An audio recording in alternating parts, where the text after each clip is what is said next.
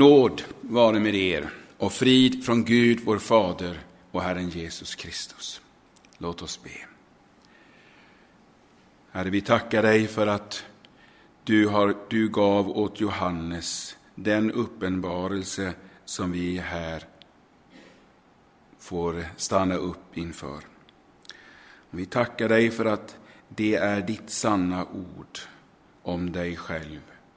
Och vi ber om din nåd, om din Andes nåd att kunna få bli stilla en stund till och få några perspektiv till på vad du vill ha sagt, på vem du är och vad det betyder för oss nu och inför fulländningen. Vi ber om det i Jesu namn. Amen.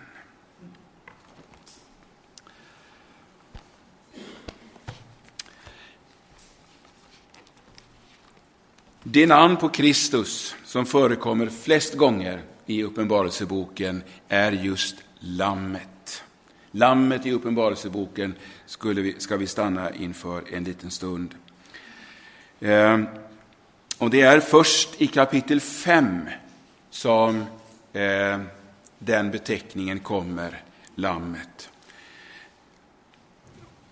Och eh, jag ska läsa ifrån kapitel 5.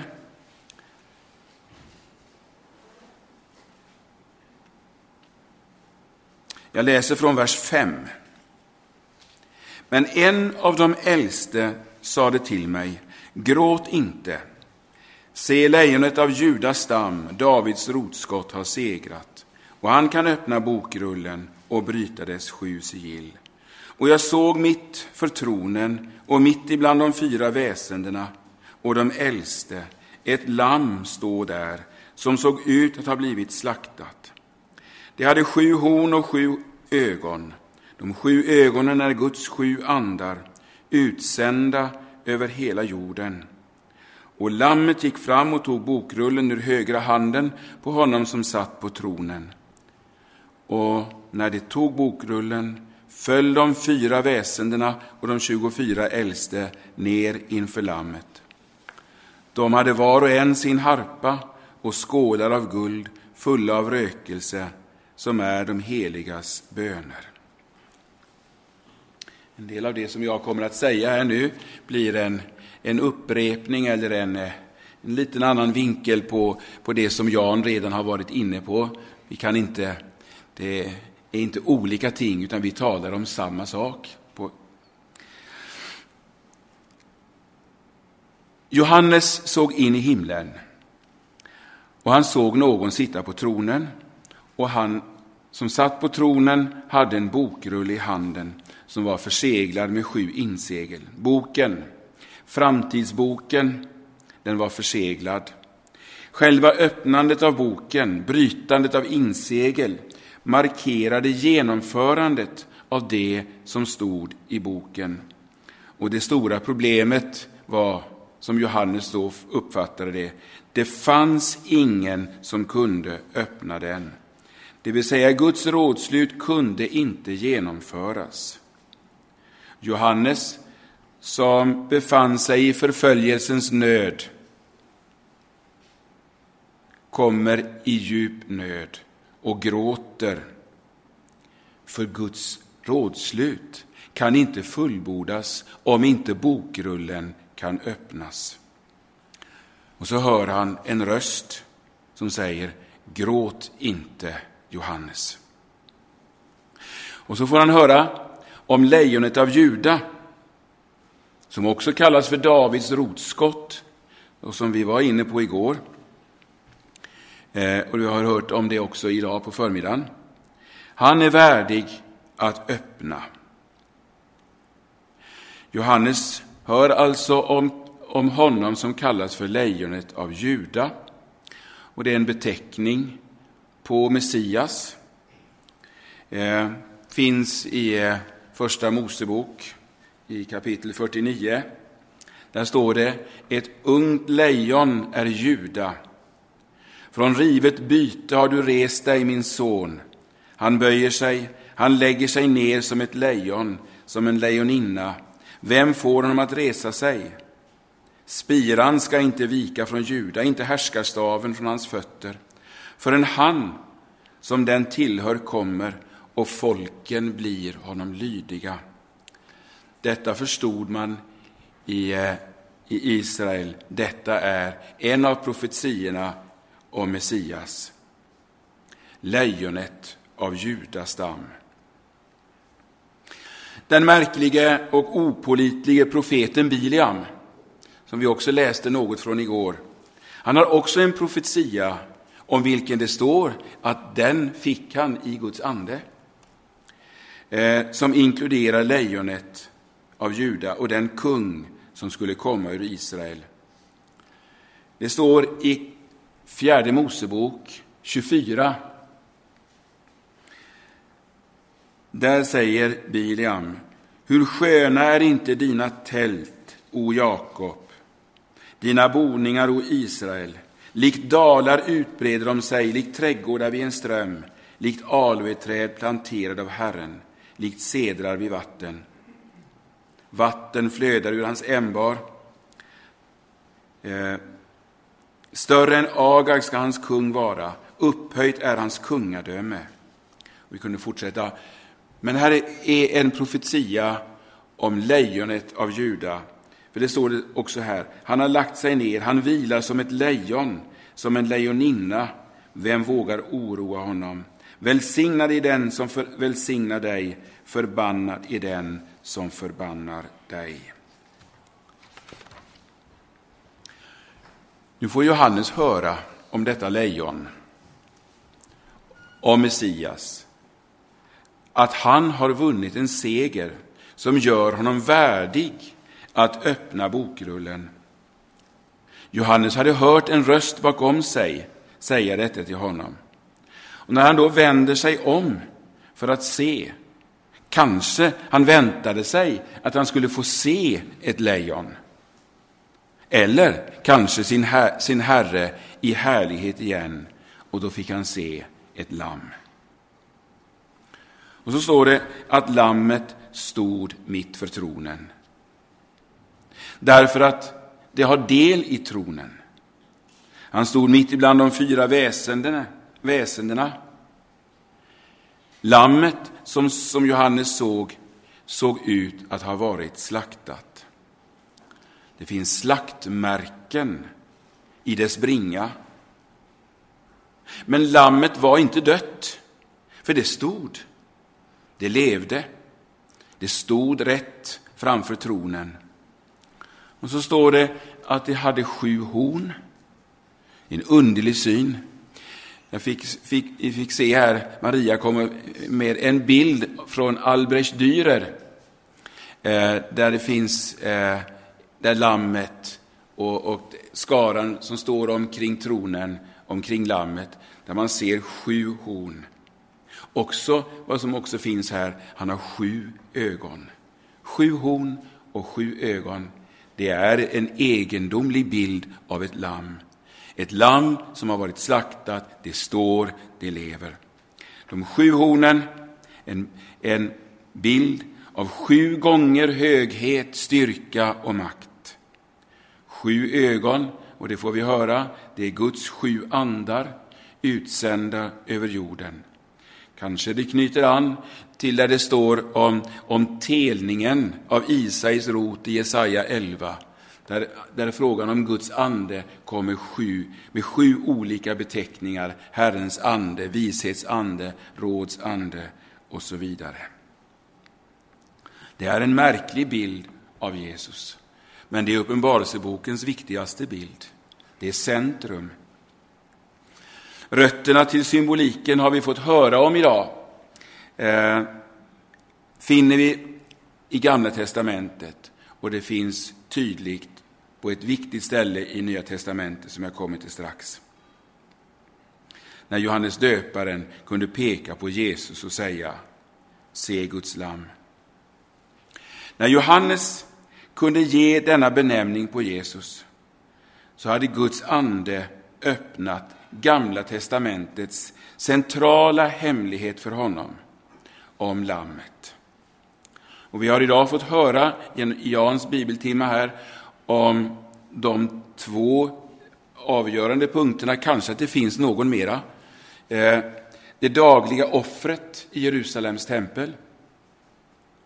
Och försoningsoffret på den stora försoningsdagen går liksom in mot den punkten i lammet i Uppenbarelseboken.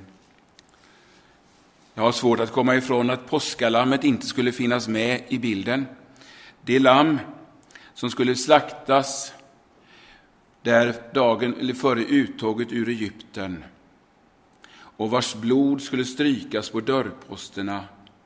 Och bakom den dörrposten så var man trygg när Guds vredes mordängel gick över Egypten. Och så kunde man dra ut och gå genom Röda havet.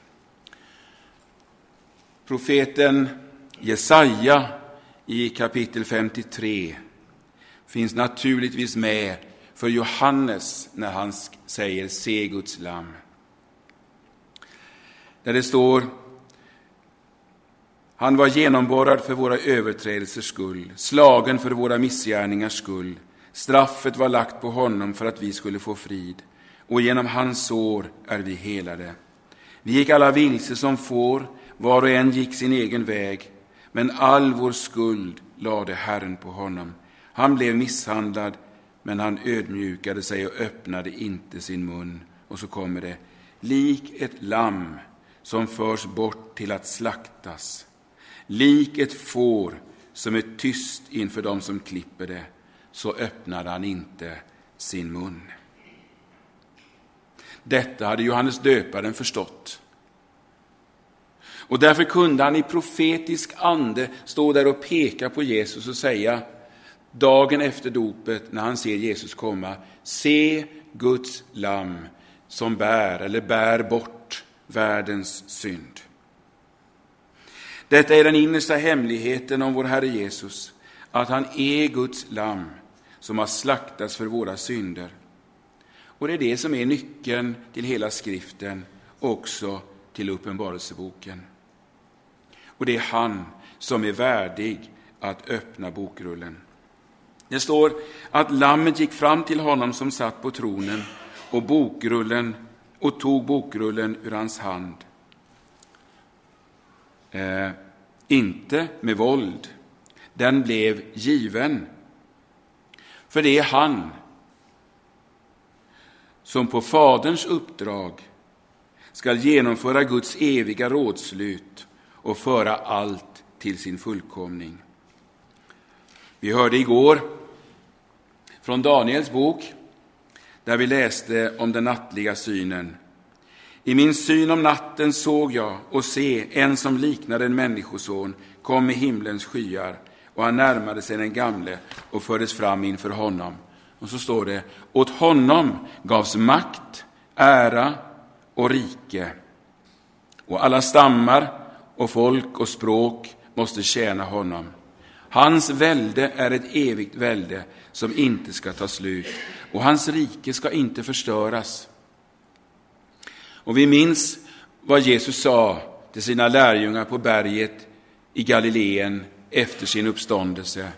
Åt mig har getts all makt i himlen och på jorden. Han som har lidit döden och burit bort världens skuld har fått makten att fullborda hela Guds eviga rådslut. Och där är brytandet av det ena sigillet efter det andra en avgörande symbolisk handling. Vi ska komma tillbaka till det lite granna om en stund. Och så står det, och vi, nu snuddar vi vid frågan om gudstjänsten igen.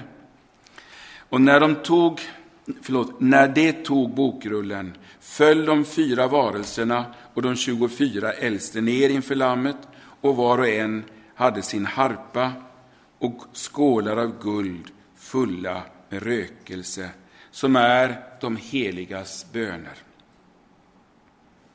När Jesus visade sig på berget i Galileen, det som jag nämnde om nyss, efter sin uppståndelse, så berättar Matteus att man tillbad honom.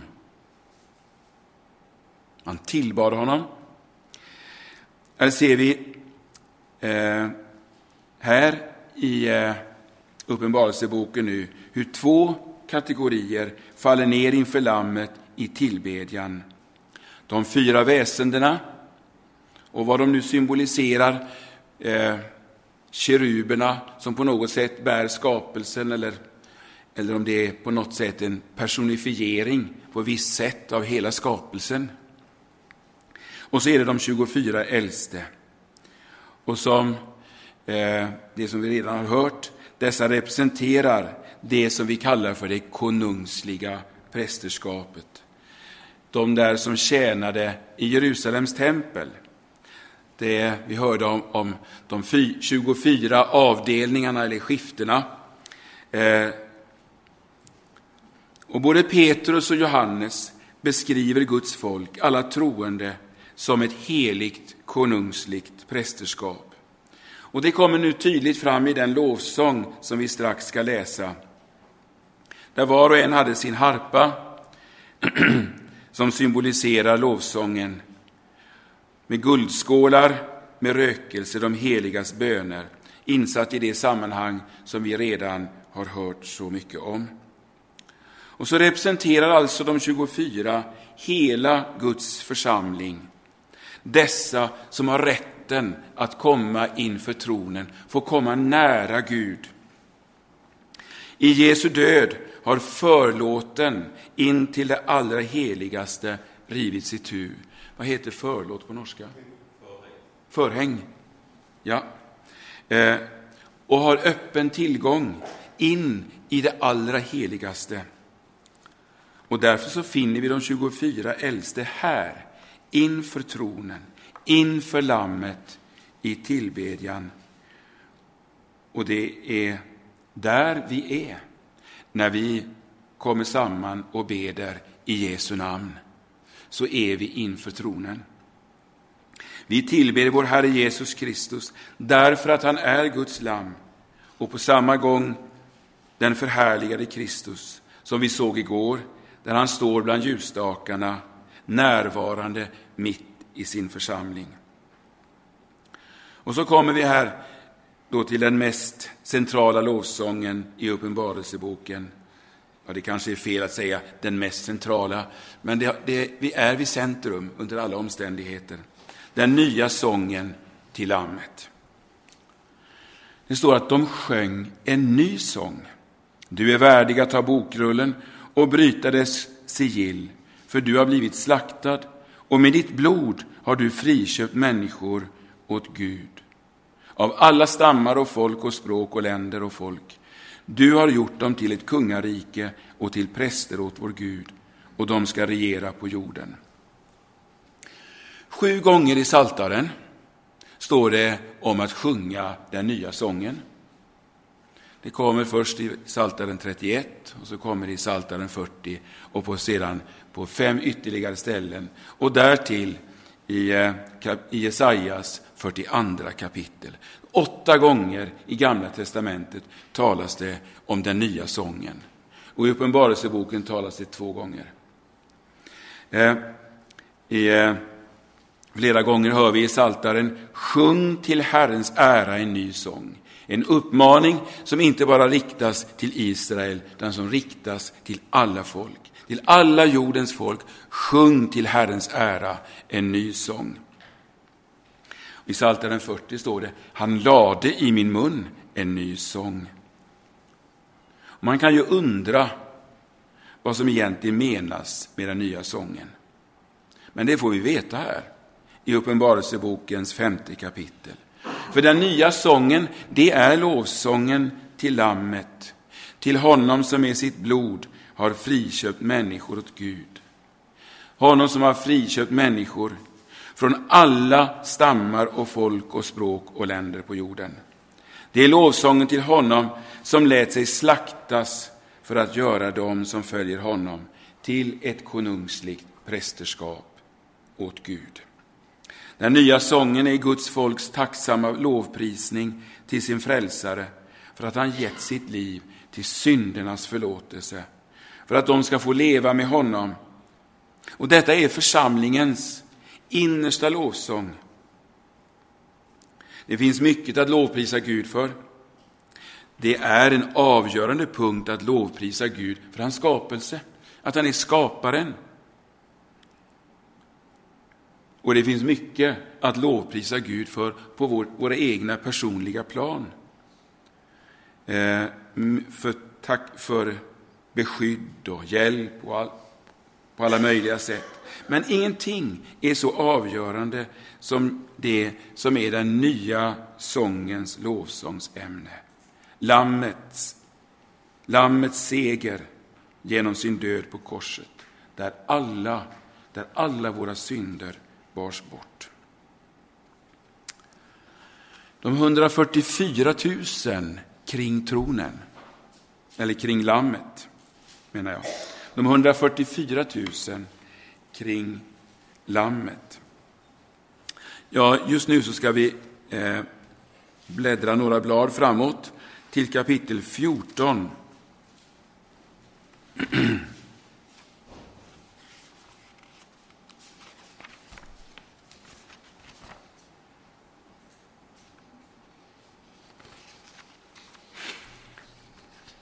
Och jag såg och se, lammet stod på Sions berg och med lammet 144 000 som hade dess namn och hans faders namn skrivna på sina pannor. Och från himlen hörde jag en röst som bruset av stora vatten och dånet av en stark åska. Och det ljud jag hörde var som när harpospelare spelar på sina harpor. De sjöng en ny sång inför tronen och inför de fyra väsendena och de äldste. Och ingen kunde lära sig den sången utom de 144 000, de som är friköpta från jorden. Det är de som inte har befläckat sig med kvinnor, de är jungfrur, dessa som följer Lammet vart det än går. De är friköpta från människorna som en förstlingsfrukt åt Gud och Lammet. I deras mun har det inte funnits någon lögn. De är fläckfria. Den nya sången kan bara sjungas, läser vi i kapitel 14, av de 144 000. Inga andra än de 144 000. Vi läser om de 144 000 redan i kapitel 7. Eh, vi ska strax komma till det. Här i kapitel 14 så ser, vi Johannes, ser Johannes lammet, så står det att han står står på Sions berg och där tillsammans med 144 000. I kapitel 13 hör vi om två vilddjur där det andra utövar det första vilddjurets hela makt och förför stora delar av jordens befolkning. Och mot den bakgrunden får vi se lammet på Sions berg och en räddad skara kring honom det vill säga Guds församling, mitt i tiden, mitt i djupa svårigheter. De står där, trots det som sker runt omkring, bevarade genom hans makt. I synen i kapitel 7 så ser Johannes de 144 000 som de tolv stammarna med 12 000 i vardera.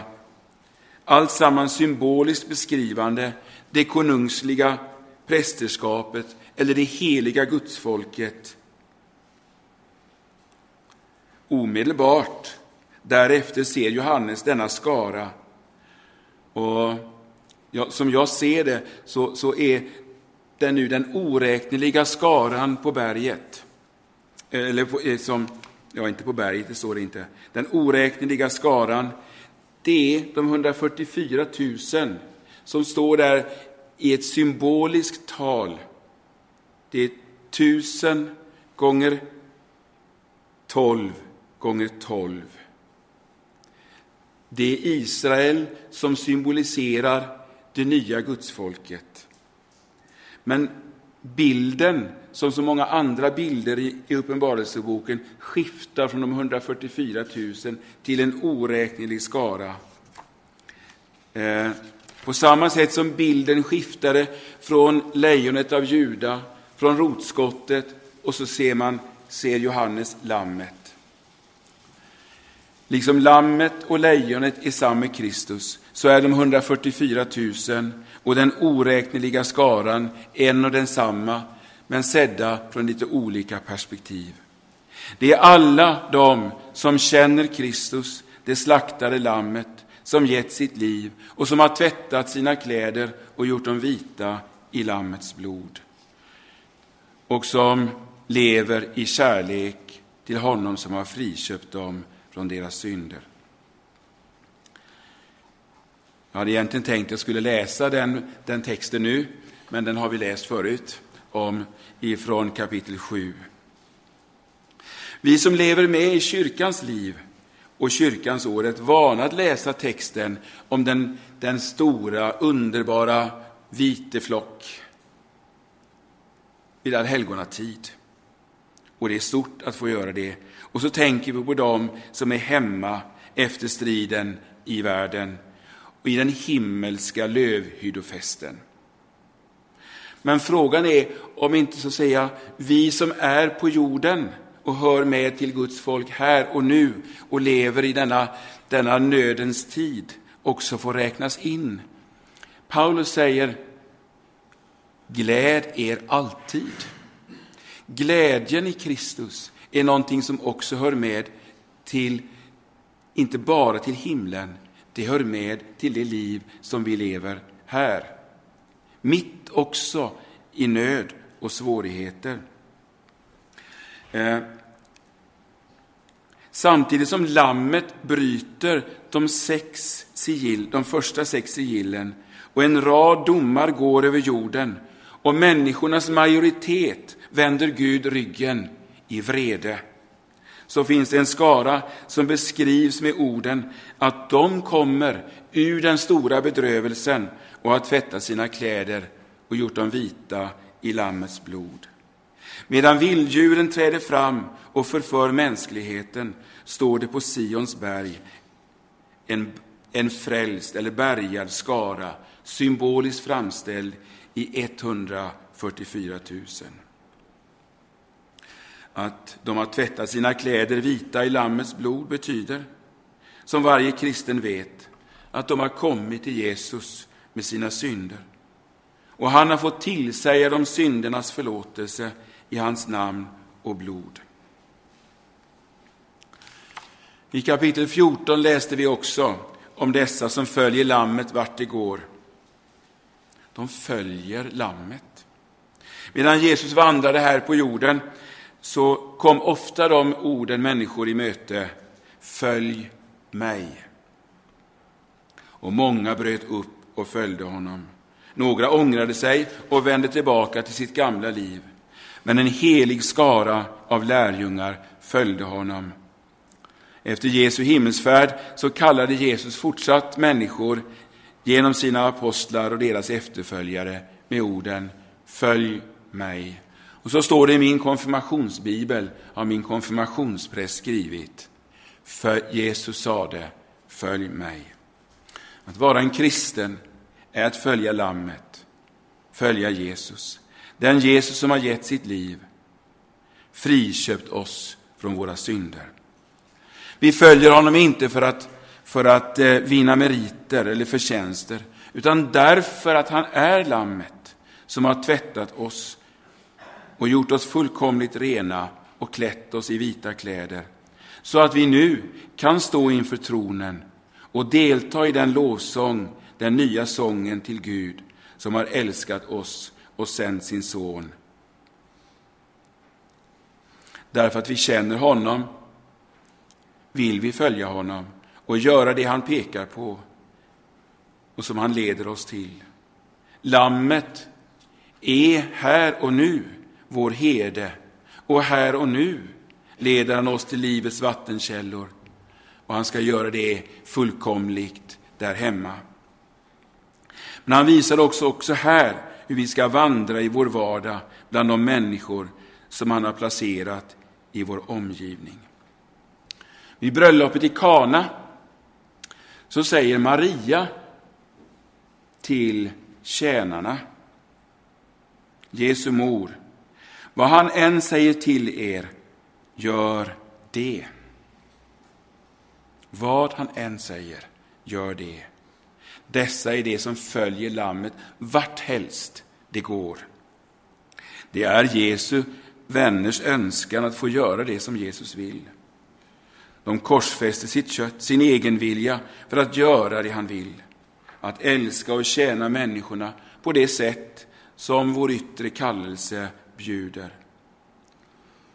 Guds folk är verkligen inte utan synder och brister, men de vill inte göra något som han inte vill. Och därför står det också om dem här i den här texten att de är jungfrur, dessa som följer lammet vart det går. De är friköpta åt människorna som en förstlingsfrukt åt Gud och lammet. I deras mun har det inte funnits någon lögn. De är fläckfria. Detta handlar inte om, vad ska vi säga, sexuell jungfrulighet i den meningen att man avstår från, från äktenskap och den sexuella gemenskapen där. Men man vänder sig däremot bort från varje form av sexuell orenhet som varje tid på olika sätt bär med sig. Men de är jungfrur i den meningen att de som Kristi brud, som i himlen ska förenas med honom, inte har så att säga någon annan vid sidan om. Lammet ensam är den som har tillträde, om jag får uttrycka det så, till hjärtats brudgemak. Och de lever i ljuset, i Guds ords sanning får avslöja deras synder och ständigt låter de sig renas i Lammets blod och därför är de fläckfria. De är fläckfria. Har en lögn kommit ut ur deras mun, en nödlögn, en vit lögn, men genom syndernas förlåtelse så finns den inte. Bekänd och avtvådd, den finns inte. Så det kan sägas, i deras mun har det inte funnits någon lögn. Så står det nu att ingen utom dessa 144 000 kunde lära sig den nya sången, den som är sången till Lammet. Dessa som följer Lammet vart det går. För det är bara de som kan sjunga de heligas glädjefyllda sång över honom som har gett sitt liv för dem. Ingen utom dem som har sett sin egen orenhet, sin synd, sin skam och inte vet någon annan utväg att bli ren, att bli fläckfri inför Gud än just genom Lammets blod. Det är bara de som kan lära sig den sången. Och när vi sjunger i den heliga liturgin O Guds Lamm, som borttager världens synder, förbarma dig över oss. Agnus Dei, så är det en del av denna heliga sång. Men låt oss då säga det igen. Det är bara syndare, människor som vet sig vara syndare, som kan sjunga den nya sången till Lammet. För det är bara sådana som har behov av Lammets blod. kommer ett litet ögonblick in på ett helt annat perspektiv. Och det är Lammets vrede Lammets vrede. Genom hela Uppenbarelseboken ljuder en varmt tröstande ton till Guds folk. Lammet, Guds son, finns där nära, mitt i sin kyrka. Ja, han står mitt i sin församling, mitt i sin lidande församling, med djup omsorg, hjälp och förmaning. Och jag har lärt mig någonting nytt idag när jag hörde Jan tala om ljusstaken som skulle renas på försoningsdagen. Den skulle ställas i ordning av översteprästen. Den, det hade jag inte hört förut. Eh, han finns där. Han kommer dit för att rena sin församling på det sättet. Eh,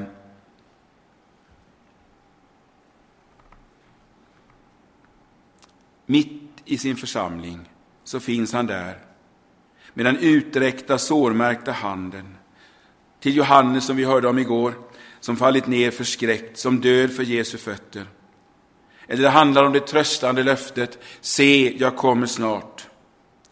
Och så är lammet där, Guds son, prästkungen, som har burit fram det evigt giltiga offret. Och så är han brudgummen som är där och väntar på sin brud, tröstande. Men det ligger också någonstans en, en helig och djup tröst i djupaste mening att han vredgas på sina fiender. I det sjätte kapitlets sista avsnitt så läser vi från vers 12 i kapitel 6. Och jag såg när lammet bröt det sjätte sigillet. Då blev det en stor jordbävning. Solen blev svart som en sorgdräkt och hela månen blev som blod. Himlens stjärnor föll ner på jorden som när fikonträdet fäller sina omogna frukter, när det skakas av en kraftig vind. Och himlen försvann som när en bokrulle rullas ihop och alla berg och öar flyttades från sina platser.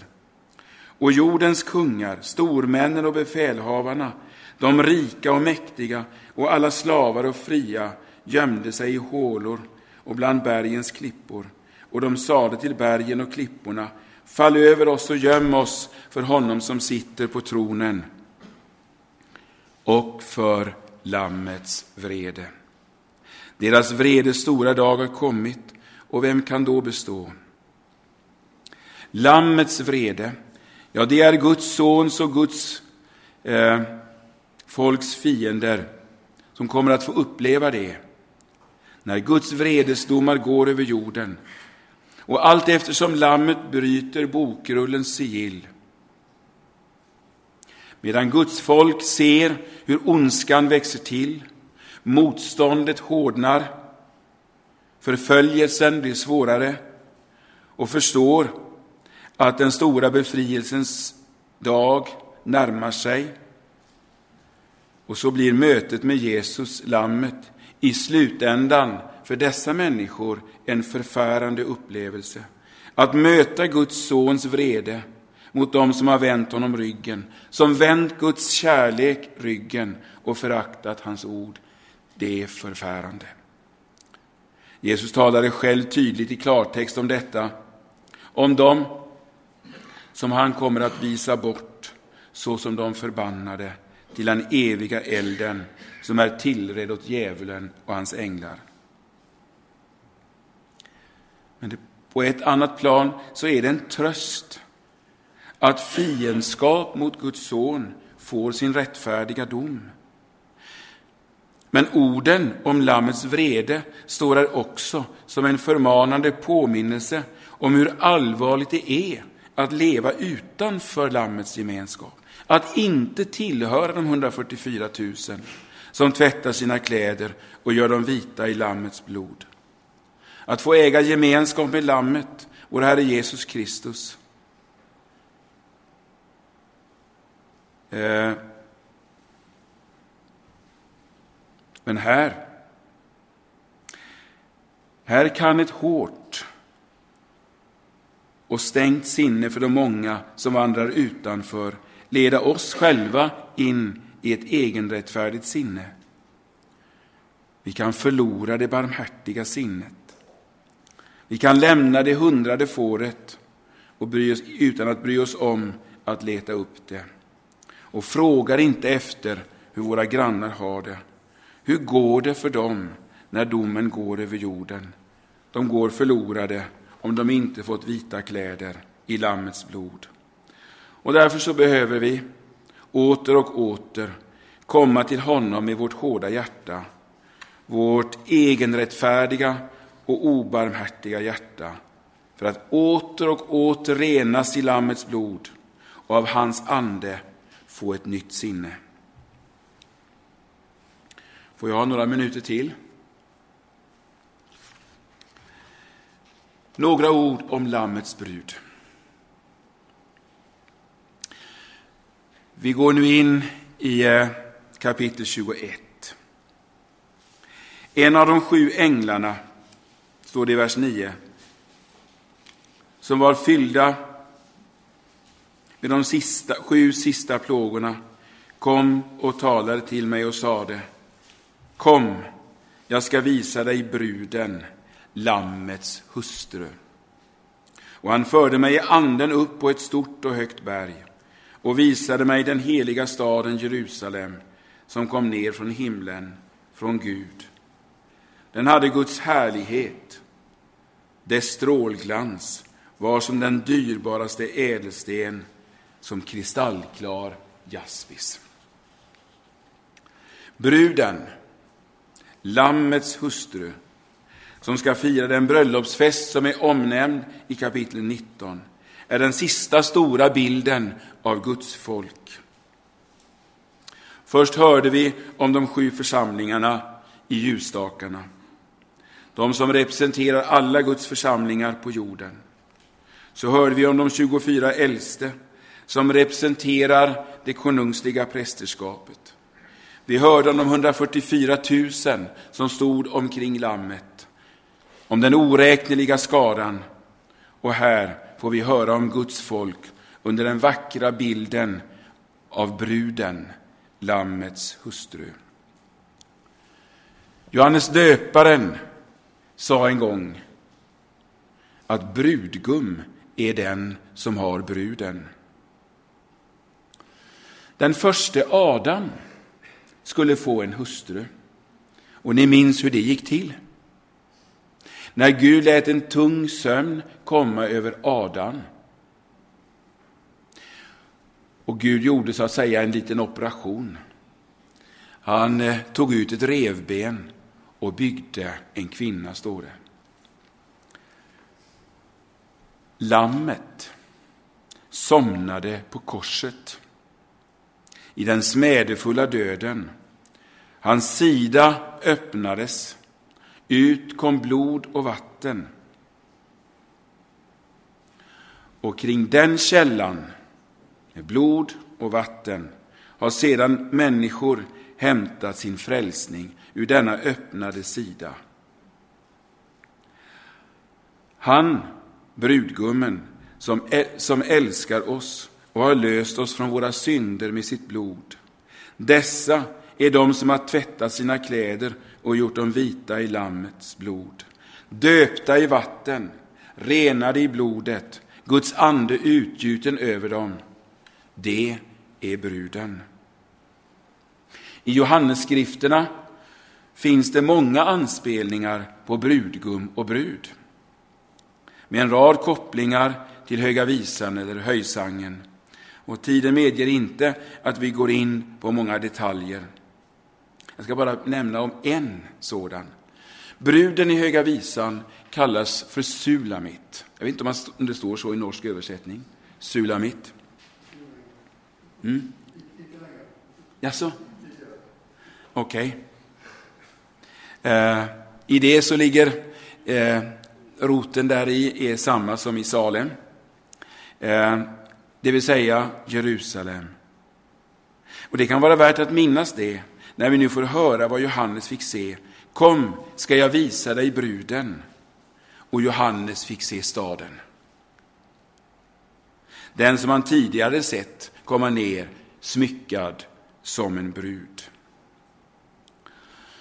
Guds folk, bruden, är staden och bor i staden och staden är bruden. Det står, bara några detaljer just nu till sist här.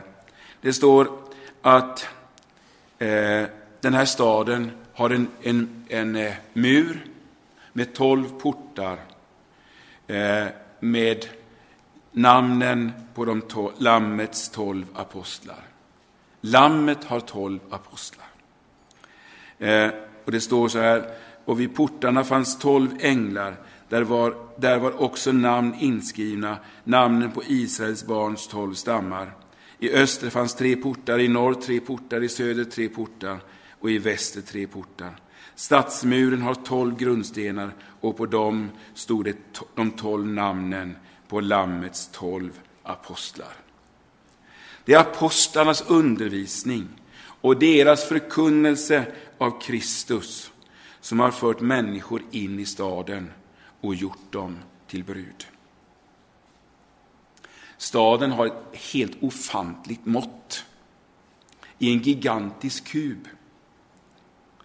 Eh, eh detta, alltså det, ja, det, man räknar ut det i, så blir det någonting av cirka 228 mil i den riktningen och 228 mil i den riktningen och 228 mil i den riktningen.